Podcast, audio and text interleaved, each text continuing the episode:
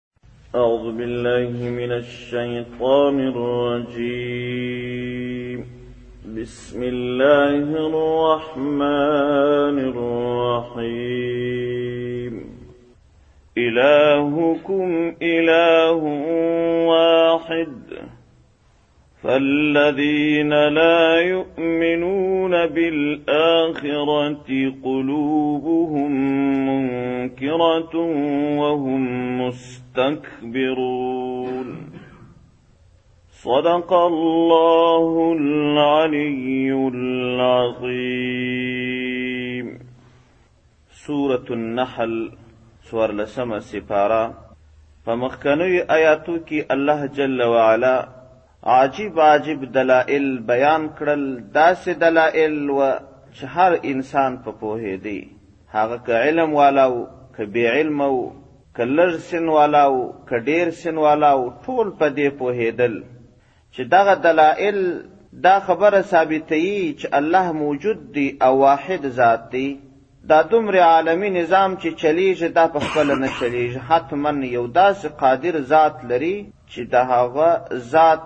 هغه حقیقت حال هغه بیخي انسان متصور کولای نه چې دومره لوی ذات دی او دا خبره ثابتوي چې الله واحد ذات دی دغه بوتان چې خلک ورته عبادت کوي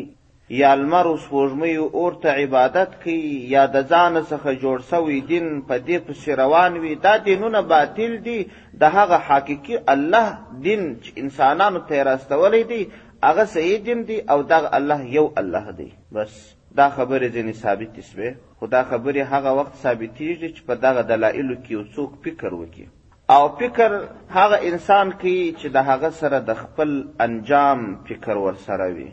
او د دې فکر ورسره وي چې زه انسان یم ژوند را باندې تیر سوی دی نور ژوند به هم یا لږ یا ډیر را باندې تیریږي اخر به څه کیږم آیا چې زه دا ژوند تیروم آخر خو یو ځای ته رسېږم کله چې زه هغه ځای ته ورسېدم هلته به زه څه کوم زما انجام به څه وي زما پلار نیکه تر هغه مشران نور پیړۍ خلک یوه پیړۍ نه دوې نه درې نه لس نه سل نه زر پیړۍ خلک ولاړل قبر ته او هلته په قبرستان کې یې دائمي ارامګاه سوه چې بیا نه څه خوړل سته او نه څښل سته، هلته بیا نه د قریبانو تګ و راتګ سته او هلته بیا نه روشنایي سته او هلته نه بیا د عذابونو څخه د خلاصون کومه لار سته، استا ښه قریبان به دا وي چې ته کله قبرستان ته ورسېدلې نو په یو هفته و په میاشت کې به درځي زیارت ته دا ستا اولادونه، کله چې دې اولادونه ولاړل لمسیان دې بیا پروا نه لرې. هغه دریم او څلورم نسل خو دې بیخي نه پېژني چې دا څوک دی نو داسې ځای ته چې ستا تګ دی د دغه تګ لپاره ته یو څه تیاری نیسې ستا سره دا فکر در سره وي نو بیا ته د الله عز وجل په دغه دلایلو کې فکر وایې او که دا فکر نه در سره ځه هره کم چې څوم د هغه دپاره بیا دغه دلایل فایده نه کوي ځکه چې د ده سره د خپل انجام فکر نشته ورسره دا چې زه اخر چیرې ځم څه راسره کیږي او بیا به مې هلته ګزاره څنګه وي د دې فکر نه وي ورسره نو هغه د الله په وجود د الله د وجود دلایل د قیامت او د دوزخو د قبرستان حالات دې ته فکر نه کوي دې کس ته نو الله جل جلاله داسې ویلي دي وایي دا داسې کسان دي چې زړونه یې منکر دي او کبر کوونکي انسانان دي مغروره انسانان دي چې د قبر پروا نه لري د قیامت پروا نه لري د الله د حکم پروا نه لري د الله د دلایلو پروا نه لري او تاسو په دې پوه چې الله هیڅکله متکبرین انسانان نه خوښوي څوک چې د قبر فکر نه لري د خپل انجام فکر نه لري د قیامت فکر نه لري و الله ته د راجع کولو فکر نه لري بیا پروا گزاره کوي داسې متکبرین انسانان الله نه خوښوي او چې د الله خوښ نه سوه نو په هره کنده کې چې هلاک سو هلاکیږي به او دا خلک دې دا فکر هم نه کوي چې کله مرګ موږ ته راسي بیا به موږ منکر سو یا چې کله زموږ سره حساب کیږي موږ به دا بعضې خبرې پټې کړو الله عز وجل وایي داسې نه ده خامخا الله ستاسو په پټو او ښکاره ټولو حالاتو احوالو خبر دی نو ځکه الله عز وجل فرمایي الهکم اله واحد دا دومره دلایل درته پیش شوه تا واورېدل نو د دې ټولو دلایلو څخه دا خبره ثابتیږي الهکم الله ستاسو چې دی اله واحد یو الله دی د الله بغیر بل څوک لایق د عبادت نسته او نه بل خدای جوړېدلی سي تمام کارونه د الله په قدرت کې دي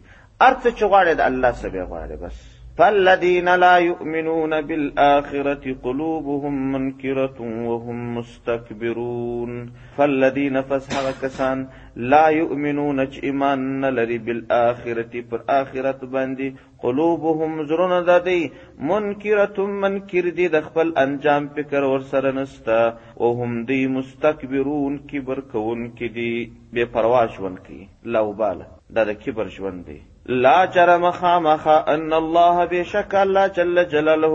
يعلم پوهیږي ما په هغه کارونو باندې یسرون چې دی ای پټوي و ما په هغه کارونو باندې یعلنون چې دی اشکار کوي څه چې پټ دي څه چې ښکارا دي ټول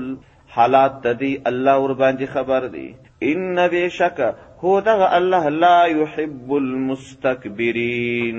نه خوشي کبر کون کی انسانان څوک چې کبر او غرور کی څوک چې بے پروا ژوند کی الله د داسې کسانو سره محبت نه لري او الله عزوجل نفرت څني کی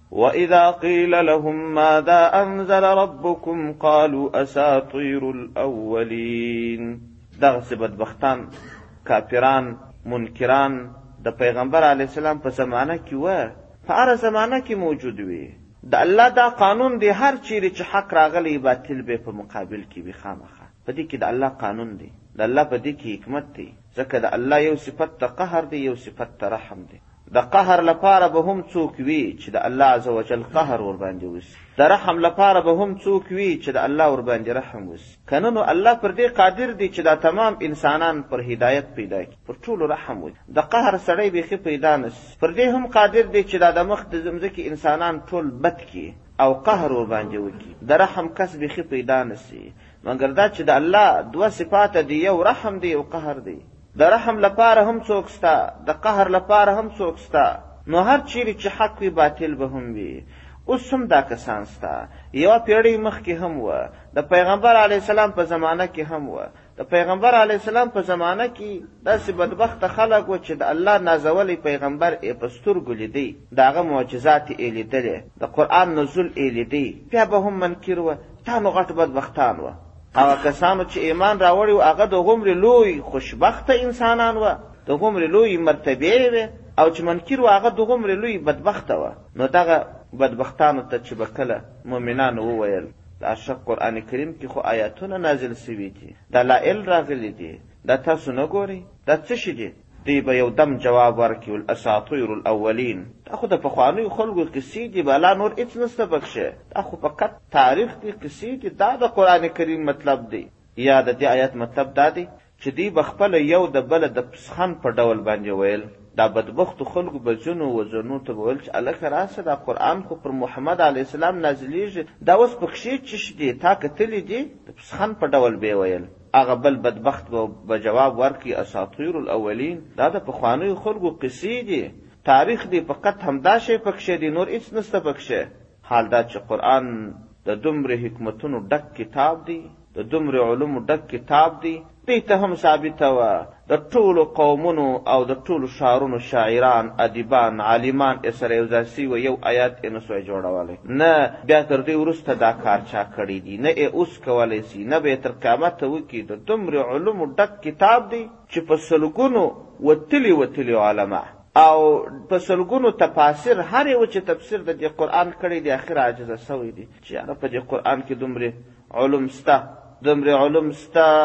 چی زما تر وس وتلی دی دا زه نسم راایستلی په سلګونو تفاسیر په دنیا کی سته دی ټولو د قران معانی او مفاهیم نه دی راایستلی دومره معناګانی دی نه هیڅ عالم د قران کریم ټولی معناګانی کولای سی نه هیڅ تفسیر کولای سی نه هغه حقیقت چی په دی قران کی پروت دی نه هغه څوک را برسیره کولای سی دا یوه داسې خزانه ده چې نه خلاصېږي د قرآن تفسیر چې کوي لکه د دریاب پر څنډه چې یو څوک کښېني اوبه راکاږي پر وچه تویوي وایي زه دریاب خالي کوم دا به ممکن وي یا هیڅکله نه نو د دومرې معانیو او مفاهیمو ډک کتاب ته به دوی دا ویل ول دا د پخوانیو خلکو قصې دي و بس الله عز وجل د دوی بیان کوي او بیا د دوی سزا فرمايي. وايي دوی خو دا خبرې کوي، په حقیقت کې دا بدبختان چې دي خپلې لمنې ته ئې اور اچولی دی. خپلې لمنې ته اور اچول څنګه؟ دا د الله قانون دی، که دې چیرې نیک کار وکړي، الله یې بدله درکوي او که دې یو بل څوک و نیک کار ته راوبالی، نو هغه کس چې نیک کار وکړي، الله بدله ورکوي، هغونه بدله چې هغه ته ورکړه، تاته هم ورته کوي. تا فقط را بللی دی خپله دی نیک کار نه دی کړی هغه کم نیک کار چې هغه بل مسلمان وکړي تا نه دی کړی هغه وکړي مګر د هغو نه ثواب تا ته هم الله درکړي د هغه د ثواب هم نه کموي هغه چې هم پوره ورکوي تا ته هم پوره درکړي او که دې چیرې یو څوک ناروا ته راوبولي بد کار دې په وکړي نو تا خو بد کار نه دی کړی ګناه دې نه ده کړې فقط هغه سړی دی راوهڅوئ را تشویق دې کوي و دې کار ته نو هغه کس چې ګناه وکړل هغه ته الله پوره سزا ورکوي تا ته هم هغومرې سزا درکوي لکه هغه کس ته چې ورکړل الله عز وجل یې بیان کوي وایي دغه بدبخته خلک داسې خبرې کوي نو نور خلک هم د دین اړي نور خلکو ته هم وایي چې قران ممنه قران د پخوانیو خلکو قصې دي خپل هم منکر دي د ته الله سزا ورکي څوک چې د په قول د قران منکر سي هغه ته الله سزا ورکي خو څومره پیټي چې د هغه کس پروژو بار سو چې د په قول یې وکړل هغومره پیټي الله د پروژو هم ورباري یو پیټي خو خپل ګناه دي قرآن نه مني او یو کس یې بیا بل را دعوت کوي کافر یې کوي یو پیټی د هغه دی هغه ته هم پرا پیټی ور په شا کوي هغومرې پیټی ده ته هم ور په شا کوي یو پیټی خپل دی یو پیټی بلابود د بل چا د واخیستی دا خپلې لمنې ته اور اچول دي خپله خو منکر یې بدبخته نور کسان ولې رابولې دې لارې ته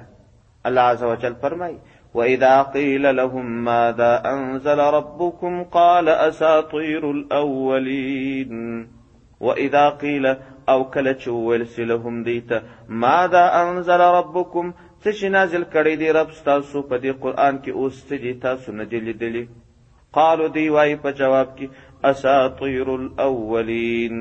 دا قصې د لومړنیو خلکو دي د پخوانیو خلکو واقعات دي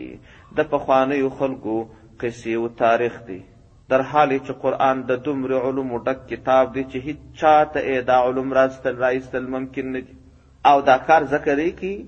لیحملو اوزارهم لیحملو چې بار کی پر خپل وژو باندې اوزارهم سامانونه خپل درانه بارونه خپل دا ګناوي دې ته درانه بار درون بار ویل کیږي دا به د ده پر اوږو بار وي دا چې دی داسې بدبختۍ کوي ګناهونه کوي دی خپل بارونه پر اوږو کوي کاملتا پوره یوم القیامت په ورځ د قیامت او ومن اوزار الذین او بار د هغه کسانو پر اوږو کوي یضلونهم چې دوی ګمراه کړي دي بغیر علم بې له علمه خپله ګناه هم پر اوږو باري او هغه کسان چې ده ګمراه کړي دي د کفر لارې ترې رابللي دي د هغو بار هم الله د ده پر اوږو ورږدي یو کس دی ګناه یې وکړل یو یو من یا لس منه ګناه یې پر اوږو سوه او که د هغه ناروا کار ته بل کس راوبولي د هغه کس پر اوږو هم لس منه ګناه ور ایښول کېږي، خو د ده لس منه خپل دي، لس منه یې چې هغه کس را بللی دی، د هغه د هم د ده پر اوږو دي. هغه ته هم سزا ورکول کېږي، داسې نه چې هغه نو خلاصېږي، ده ته هم هغومرې سزا الله ورکړي، لس منه بار یې خپل شو. الا ساء، الا خبردار اوسئ! د الله د پېرزوینې خبره ده، د الله د بندګانو سره د الله د محبت خبره ده. ساء ما یزرون، ډېر بد دي هغه څه چې دوی یې پر اوږو اخلي. دا ډېره سخته اشتباه کوي. پیغمبر علیه السلام فرمایي، من دعا الی الهدی کان له من الاجر مثل اجور من اتبعه لا ینقص ذلک من اجورهم شیئا، یو څوک چې بل کس و نېکې لارې ته راوبولي، هغه کس چې نېکي وکړل، نو څومره ثواب چې هغه کس ته الله ورکوي ده ته موت جوت ورکړي فقط ده رابللی دی نور خپله نیک کار نه دی کړی او ومن دعا الى ضلاله كان عليه من الاثم مثل اثام من اتبعه لا ينقص ذلك من اثامهم شيئا هذا مسلم شریف حادث دی وای کچیر یو چا بل څوک ګناه ته راوبولی هغه کس ګناه وکړل ته خپله نه یی کړی نو هغه کس ته خو الله پوره پوره سزا ورکوي پوره ګناه یې پر اوږو ورباروي ده ګناه نه ده کړې هغومرې ګناه د ده پر اوږو هم ورباروي د هغه سیم نه کموي داسې نه چې د هغه سزا نو نیمۍ کې نیمۍ ده ته ورکړي نیمۍ هغه ته ورکړي هغه ته هم پوره ورکوي ده ته هم ورکړي موت جوت بل حدیث کې راځي من سن فی الاسلام سنة حسنة فله اجرها او اجر من عمل بها کچيري چا په اسلام کې یو نیک بنیاد کښېښودی یو نیک کار یې وکړي یو سنت یې را ژوندی کړي د پیغمبر علیه السلام یا یو نیک کار رواج کړي نو دا نیک کار خو ته وکړي د دې ثواب خو به الله د ته ورکړي هر څومره انسانان هر څومره انسانان چې د ده تابعداري کوي او په دغه نیک عمل باندې عمل کوي د هغو پوره پوره ثواب هم د ته الله ورکوي د هغسې هم نه کموي ومن سن فی الاسلام سنتا سیئه که چا په اسلام کې یو بد بنیاد کښېښودی یو د ګناه کار یې وکړي نو الله به ورته سزا ورکړي او هر څومره انسانان هر څومره انسانان چې په دغه ګناه باندې اخته کیږي د تاغو نو پوره پوره سزا الله د ته ورکوي سره راجمع کیږي د ګردو ده د دې مثالونه نو دا زموږ او ستاسو په ټولنه کې دا دي یو سړی دی ګناه ته ځي ګناه کوي ځي یو بلې کوټې ته ورکې کوي بل کس ته وایي راځه راځه راځه چې لاړ شو پلانکې کوټې ته ورکې وکړو دی خو خپله ګناه کوي دا چې ده تر لاس ونیوی بویه دی د دې ګناه سزا هم الله ده ته ورکړي هغه تیم ورکړي ده تیم ورکړي او یا یو کس دی کوټه یې خلاصه کړې ده لس کسان پکښې کښېني دی چای ورته راباسی خپله هم ورکی کوي دی لوسو کسانو ته هم چای ورکوي هم ورکی ورسره کوي د ده ګناه خو ده دا لس زره کسان چې ورکی د ده په کوټه کې کوي د ټولو سزا الله ده ته یوازې ورکوي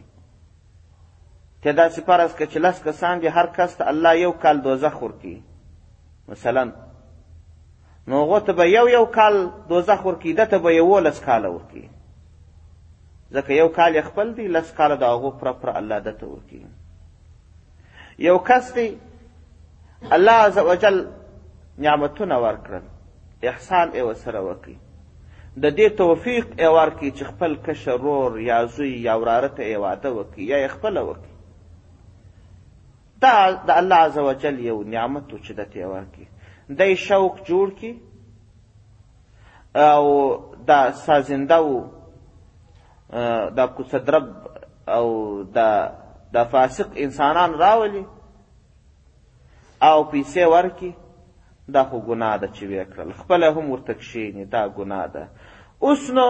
دغه سروز ته که سل انسانان ناست دي که زر ناست دي که دوه زره ناست دي د دې ټولو ګناه چې سره راجمع کې راجمع کې بدبخته تالی څټه ستا په اوږو کې الله در اچوي دا د الله فیصله ده څومره کم بختی ده خپله خو دې ګناه وکړل بدبخته ده د نورو خلکو ګناه دې څنګه پر خپلو وزو واخیستل دا څومره جهالت دی څومره ناپوهي ده زه حیران ورته پاتې یم دې خلکو ته خپله ګناه خو دې خپله ده څومره انسانان ورته ناست دي د دې ټولو ګناوي ملائکې سره راجمع کوي ارې وته ملائکه ناسته ده د الله مامورین ناست دي قلم و کتابچی و کاغذونه ورسره دی ته یې نه وینې ټول سره راجمع کی راجمع کی راجمع کی که سلی که زری ټول او بیا یې سره جمع کی یوازې په تا پسې لیکي بره لا دا ده که چیرې دغه شوق دا ثبت سي په دا ریکارډرانو کې او په دا پیتو میموریانو کې او هغه بیا خلک اوري کې سل کار اوري کې زر کار اوري ستا به د سزا ونډه پکښي لوی بدبختي لا دا ده هغه کس چې خپله دا سروز موسیقي وایي د هغه خبرې خو نو مه کوه هغه خو تر دې لا هم لوړ دي چې تا فقط راوستلي دي تر قیامته دې سزاوي نه خلاصېږي نو د هغه به څه حال وي همدا ډول که چیرې تا یو نیک کار وکړي نیک کار دا دی یو مسلمان ورور دغه مسجد ته د ګاز ډبه راوړل دغه د ګاز ډبه چې برق نه یې ولګېږي دلته مسلمانان ورونه لمونځونه ورته کوي یا درس ورته وایي د قرآن کریم ترجمه کوي تاسو دا دا فکر مه کوئ چې دغه د ګاز ډبانو خلاص سول مفلس سول دا د یو داسې تخم شن کړي چې بیا نه خلاصیږي دلته چې موجوده انسانان دي هغو که یوه مسله یې زده کړل که دوې مسلې یې زده کړلې که شل زده کړلې که په یوه ورځ یې زده کړلې که په شل ورځو زده کړلې دغه مسلې چې ده زده کړلې ده بیا بل چا ته وویل هغه بیا بل چا ته وویل تر قیامته پورې د ده ثواب پکښې شریک دي فقط ته د روشنایي برابروالی ورته کړی دی او همدا ډول که چیرې ته پر لارې روان یې یوه ډبره دې د لارې څخه وغورځول دا هم یو د خیر کار دی او په دې کې که چیرې یو کس غذاب سوی وای او د هغه پښه ماته سوې وای د لمنځو راګرځېدلی وای د نیکو کارونو راګرځېدلی وای اوس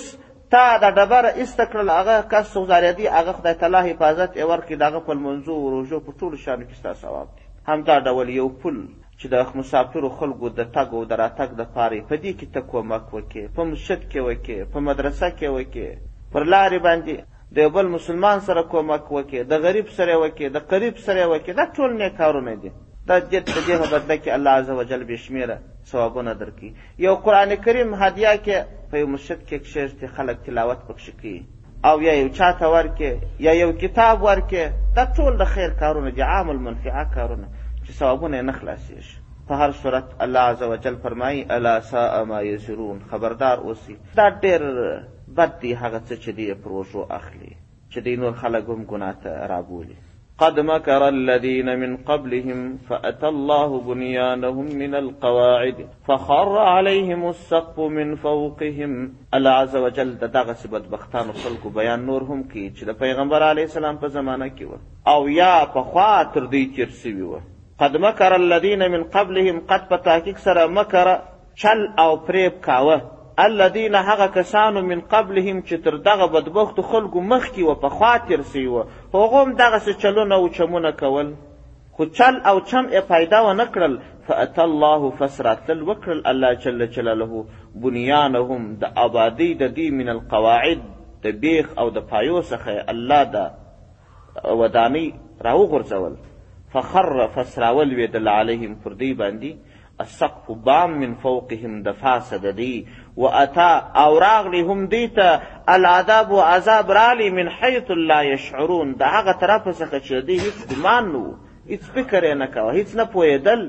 د دې مطلب یو مطلب دا کېدای چې د ابن عباس رضی الله عنه څخه یو قول لا نقل دی چې د دغه آبادی څخه آبادی د نمرود مراد ده نمرود یو غټ ظالم باچا و د خدای دعوا یې کړې و ډېره غټه بنګله یې جوړه کړې وه الله جل جلاله ورباندې راپرې ایستل، کله چې ورباندې راپرې ایستل د چې هر څه چلونو او مکرونو او فریبونه کړي وه هغو نه تېجه نه کوه بلکې د ده د فخر او د غرور ماڼۍ الله ورباندې راپرې ایستل دی یې هلاک کړي په یوه ماشه باندې او یو روایت کې راځي چې دا بخت نصر و بخت نصر بیا یو بل ظالم باچا تېر سوی دی هغه هم تقریبا د اکثرې دنیا باچهي کړې ده هم کافر و د دې ماڼۍ مراد ده چې الله ورباندې راچپه کړله او یا دا چې یو چا په خپل فکر او خیال باندې چلونه او چمونه د چلو او د چمو بنګله جوړه کړي په خپل ذهن کې داسې به کوم او داسې به مقابله کوم او داسې به کوم په دا خپل فکر کې چې د خپل خیال پلو برابر کړی دی او یو فکر یې وهلی دی او د الله د دین په مقابله کې دی د الله د دین خلاف دی الله وایي پر پخوانیو خلکو باندې الله دغه فکرونه را پرېستلي دي دغه د فکر ماڼیو بنګلې را پرېستلي دي پر تا یې هم را پرې باسي تم خبر اوسه هیڅ فکر د الله د دین په مقابله کې مه کوه که دې وکړي الله یې در باندې را پرې باسي هلاک به دي او کله چې دا کسان پر دغه باطله لار ولاړل د قیامت په ورځ باندې بیا دوی نه خلاصېږي چې په دنیا کې هلاک سول نو هلاک سول یا کله چې د قیامت ورځ رااله الله عز وجل یې بیان کی ثم ورسته یوم القیامت په ورځ د قیامت به یخزیهم بی عزت بسی دی سپک بسی ذلیل بسی ټول به ذلیل ټیټ سترګي د وهم او د حیبت په حالت کې به ودرېږي او د الله د لوري به غږ ورته وسي ویقولو وبه ویل سي، اين چیري دي شورکائي شریکان زما، الذین هغه شریکان کنتم چې تاسو واست تشاقون تاسو دښمني کول، ضد مو کاوه، مخالفت مو کاوه، فیهم په دغه شریکانو کي، په دنیا کي تاسو بتان دځانو لپاره خدایان جوړ کړي وه او دا مو ویل چې دا د الله شریکان دي. لمر او سپوږمۍ، اور او داسې نور څه مو د الله سره شریکان جوړ کړي وه او تاسو دا ویل چې دا د الله شریکان دي، نو اوس الله تاسو ته وایي چې دغه زما شریکان چې تاسو ما سره جوړ کړي وه دا دې راسي تاسو دې خلاص کړي. او خبر مې درکړی و چې تاسو د الله بغیر د بل چا عبادت مه کوئ اوس چې هغه ستاسو بوتان ستاسو خدایان راسي تاسو دې خلاص کړي تاسو به دلایل ویل مخالفت به مو کاوه دښمني به مو کول اوس دې راسې تاسو دې خلاص کړي. دی خو طاقت د خبرو نه لري، زبانګويي به تړلي وي، سترګې به په کلګي کې دوهمه ولاړې وي، هیڅ به نه شي ویلی. هغه نیک انسانان، پوهان انسانان، علما او نیکبخته مسلمانان، پاکزړي مسلمانان، هغه به هم دلې ولاړ وي، نو هغه به څه ورته ووايي؟ قال الذين قال وبه وايي الذين هغه کسان اوتو العلم چې علم ورکول سوی وو پوهه ورکول سوې وه او د هغه پوهي په برکت باندې دی پر خپل دین او اسلام باندې باقي پاته وو داسې به ورته ووایي ان بشک الخزي بعزتي اليوم نن ورځ ستا ستاسو لپاره ای بدبختو کافرانو ای بدبختو ګمرهانو بعزتي و زلالت تر باندې ستا خلاصېدای نه سي والسوء او بدی چې د علی الکافرین پر کافرانو باندې ده بد ورځ بد عذاب دا پر کافرانو باندې سته خلاصېدلی نسي الله جل جلاله به اتمنن سزا ورکوي الذين تتوفاهم الملائکه ظالمي انفسهم او کم کسان چې په دې عذاب باندې هلاک نسي مرګ ورته راسي کله چې دا مرګ محض ورته رالی دی به دستي پوه سي چې زه پر باطله لار روان وم دغه دي د عذاب ملایکې راغلې نو دغه کسان چې کافر وي یا ګمراه وي دې ته به په ډېر بد شکل ملایکې راسي داسې ملایکې به ورته راسي دی به ځینې بیریږي چې ورته وګوري وبې پېژني چې دا ملائکې دي او زما روح باسي، نو الله عزوجل ئې بیان کړي، الذین هغه کسان تتوفاهم الملائکة چې ملائکې وفاتوي، ملائکې روح ځنې باسي، ظالمي انفسهم ظلم کوونکي به دوی پر خپلو ځانو باندې وي، د الله د لوري ظلم نه ورباندې کېږي. نو کله چې ملایکې راغلې دوی پوه شو چې هغه دې ملایکې راغلې نور نو زموږ ارواحان کاږي نور نو موږ عذابونو ته مخ کیږو نو دوی فالقوا السلم پس دوی ورواچي روغه جوړه سلام تسلیمېدل یا د روغې جوړې پیشنهاد دوی یو دم ځانونه تسلیم کړي ملایکو ته ووایي ما کنا نعمل من سوء ما کنا موږ نه نعملو چې موږ عمل کوه من سوء څه بد عمل موږ نه کوه موږ خو الله ته تسلیم خلک یو موږ خو نیک خلک یو موږ چې څنګه الله وایي هغسې کوو بلا ان الله علیم بما کنتم تعملون بلا هو ان الله بشک الله جل جلاله علیم زیات علم لرونکی دی بما په هغه عملونو باندې کنتم چې تاسو یا استعملون تاسو یې کوي تاسو چې کوم عملونه کوي په هغو باندې ټولو باندې خبر دی تاسو نور خبرې مه کوئ هو ستاسو وینا رد ده باطله ده تاسو غلط وایاست الله په زره زره عمل ستاسو خبر دی فادخلو فستاسو داخل سی ابواب جهنم دروازو ته د جهنم خالدین همیشه به یاست فیها په دې جهنم کې فلبئس پس ډېر بد دی مثوی المتکبرین، ځای د متکبرینو او کبر کوونکو انسانانو ځای ډېر بد دی، نو ارواحان به ملائکې واخلي وبه یې کاږي، جهنم ته به یې وغورځوي، بس. وقیل للذین اتقوا ماذا انزل ربکم، تر دې ځایه پورې خو د بدبختو خلکو حال و. اوس به الله عز وجل د نیکو خلکو حال بیانوي وقیل للذین او ویل سی وهغه کسانو ته اتقو چې د الله څخه ویریدلی وي د الله احکام یې منلي ماذا انزل ربکم ستاسو رب څه شي نازل کړي وو د کافرانو څخه چې پوښتنه سوې وه چې ستاسو رب څه شي نازل کړي دي دوی به ویل چې اساطیر الاولین خو د نیکانو خلکو څخه چې پوښتنه وسي دی داسې وایي، قالو خیرا، قالو دی وایي چې خیرا الله خیر نازل کړی دی، سراسر ګټه نازله کړې ده. قرآن سراسر ګټه دی، د دنیا ګټه هم ده، د آخرت ګټه هم ده. للذین احسنوا فی هذه الدنیا حسنه ولدار الاخرة خیر الله عزوجل فرمایي وایي د دې جواب صحیح دی ځکه څوک چې په قرآن عمل وکړي هغه ته محسنین انسانان ویل کېږي نیکان انسانان د نیکانو انسانانو لپاره په دنیا کې هم ګټه سته او په آخرت کې هم للذین هغه کسانو لره احسنو چې نیکي کوي محسنان وي د قرآن تابعداري کوي فی هذه الدنیا په دې دنیا کې حسنه نیکي ده په دنیا کې به هم نیکي وي د دوی لپاره بدبختي او بېعزتي به نه وي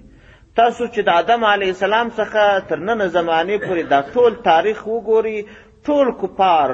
چې هر څومره پرمختللي وي هر څومره قوت والا دي اوس بې عزته دي او نیک انسانان د الله د دین تابعداره انسانان دا که هر څومرې په مسکنتو، زحمتو، بندیخانو، مرګو، قتلو، شهادتو کې ښکېل شوي دي، زحمتونه یې پر ځان تېر کړي دي، مګر اوس په سوو کلونو وروسته بیا هم د دوی نیکنامیانې بیانېږي. د دغه خلکو اعزاز و عزت زموږ او ستاسو په زړو کې شته. د ټولو ورباندې وسیله ده او د ټولو ورسره محبت دی هر مسلمان څه چې د صحابه پوښتنه وکړي که هغه ګناهګار وي که ناګناهګار وي که نیک مسلمان وي که ګناهګار مسلمان وي پلانکی صحابه او تر د قربان سم نه لیدلی نه کتلی نه قوم نه نسب تاسو ورسره محبت لري دا محبت ولې دی الله یې په زړه کې وراچولی دی خو الله په قرآن کې وعده در سره کړې ده للذین احسنوا فی هذه الدنیا حسنه هغه کسان چې نیکیانې کوي یعنی د قرآن تابعداري کوي په دې دنیا کې ورله نیکي سته ته هم که چیرې نیک عمله انسان سوې د قرآن تابعداري دې وکړل زر کاله وروسته به یو بد سړی لا دا وایي چې هو تر د قربان سم څومره ښه سړی و د ده په روی دې مو الله وبخښي دا مقام ستا هم دی زر کاله بعد به خلک په تا پسې دا خبره کوي لکه اوس چې زر کاله او پنځه سوه کاله مخکې نیک خلک تللي دي هغه خلکو په اړه باندې څنګه وایي د هر چا څخه ته دغسې یو سړي پوښتنه وکړه هغه که سپین ږیری یې که ځوان یې که لوی یې که کوچنی یې که نیک عمل یې که بد عمل یې په ښه نوم به یادوي خو الله وعده کړې ده ولدار الاخرتی او دار د اخرت خیر دا بهتر دی هلته هم وله جنتونه سته یوازې د دنیا نیکي نه ده ولنعم دار المتقین او خامخا ښه دی دار د متقیانو چې هغه دار د اخرت دی جنات عدن جنتونه د همیشه توب به وي يدخلون دوی به داخليږي هادې جنتو ته تجري چې بهيږي به من تحتها لاندې د درختو د شاخو د دې جنتو الانهار څلور ويالې لهم دوی لره به فيها په دې جنتو کې ما هر هغه شی وي شاؤون چې دوی خوښوي څه چې دوی غواړي او څه چې د دوی خوښه سي هغه الله عز وجل په جنت کې دوی ته پیدا کوي او دوی ته به یې ورکوي. په سورة زخرف کې الله جل جلاله فرمایي، وفیها ما تشتهیه الانفس وتلد الاعین وانتم فیها خالدون. هلته هر هغه څه چې د دوی په سترګو کې ښه ښکارېږي هغه به الله ورته موجودوي، څه چې د دوی زړونه غواړي هغه به الله ورته موجود وي که د جنتي په دا مازې زړه کې راوګرځېږي چې کاش کې پلانکی شی وایي سبحان الله دا سبحان الله به د هغه شي دپاره کلي وي بس نور اجت نسته چې ته نارې وسورې ووه پسې وځغله راوځغله نعمت ځان ته پیدا که په یوازې سبحان الله سره به یو په یو دم هغه شی تا ته موجودېږي او که چیری یو جنتی وغواړی نعمتونه وخوری چی دا شیان راڅخه ټول سی بس الحمدلله په دې شي سره به دا شیان له منځه بیرته ټولیږي او هغه داسې نعمتونه دي په دنیا کې نه تعریفیږي نه بیانیږي هغه داسې دي ولا عین رأت ولا اذن سمعت نه کومې سترګې لیدلې دي نه کوم غوږ اورېدلې دي او نه د چا په زړه کې واقع سوي دي داسې نعمتونه دي کذالک په دغه ډول باندې یجزی الله مزدری ورکی الله جل جلاله المتقین متقیانو ته او الذین هغه کسان تتوفاهم الملائکه چې ملائکه وفاتی نیک عمل انسانان وي طیبین دی به پاکی کوونکي وي څنګه به پاکی کوونکي وي پاک طیب کم کسان چې نیک عمل وي د دې د مرګ نیټه چې راسي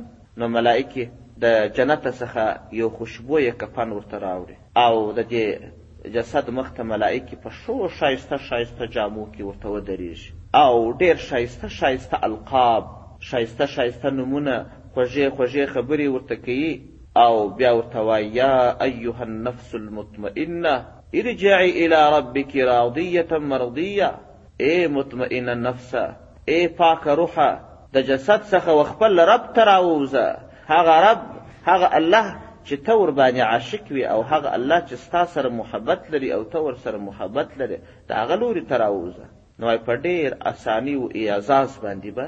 دا روح د دې بدن څخه په هوسایي راووځي او په دې خوشبویه کر او کپن کې به وپېچل سي د جنت کپړه او ټوکر به وي دا به په ډېر عزت دا روح واخیستل سي یوه ملایکه به د عزت په وجه بلي ته ورکړي او بله ملایکه به یې بلي ته ورکړي اسمانو ته به وخېږي د اسمان دروازې به ورته خلاص سي د عرش په قندیلانو کې به وي او جنت ته به یوړل سي او هلته به د شنو مرغانو په ججورو کې دی مزل کوي هلته یو ځای د علیین ورته وایي په دغه علیین کې به د دې پاک نفس او د دې پاک مسلمان روح قرار لري خو بیا چې کله ګرځېدل او راګرځېدل وغواړي د شنو مرغانو په ججورو کې به د دې علیین څخه راوځي د شنو مرغانو په ججورو کې بلویږي او بیا به څړ کوي د جنت په باغونو کې او کم کس چې بدبخت وي هغه ته به یو نجسه بدبویه ټوټه ټوکر راوړي او بدي ملائکي یعنی بدشکله ملائکي به ورته ودرېږي، بدي یې په اعتبار د شکل چې ده ته به دا شکل بد معلومېږي او په بدو القاو به ورته وایي راوځه او په زور په زیاتي به یې راوباسي او په دې بدبویه ټوکر کې به یې واچي. او ملائکې به ورته ښه راغلاست نه وایي بلکې به دي به ورباندې وایي بیا یو ځای د سجین د سجین یو بندیخانه ده هغه بند کې به ولوېږي الله عز وجل فرمایي الذین تتوفاهم الملائکة هغه کسان چې وفات کوي ملائکې طیبین چې دی پاک وي یقولون دی وای سلام علیکم سلام دی پر تاسو باندې ادخل الجنه داخل سی و جنت بما په سبب د هغه نیک عمل کنتم چې واسطه تعملون تاسو کاوه کوم عمل چې تاسو کاوه د هغه عمل په وجه باندې جنت ته داخل سي سبحان ربك رب العزة عما يصفون وسلام على المرسلين والحمد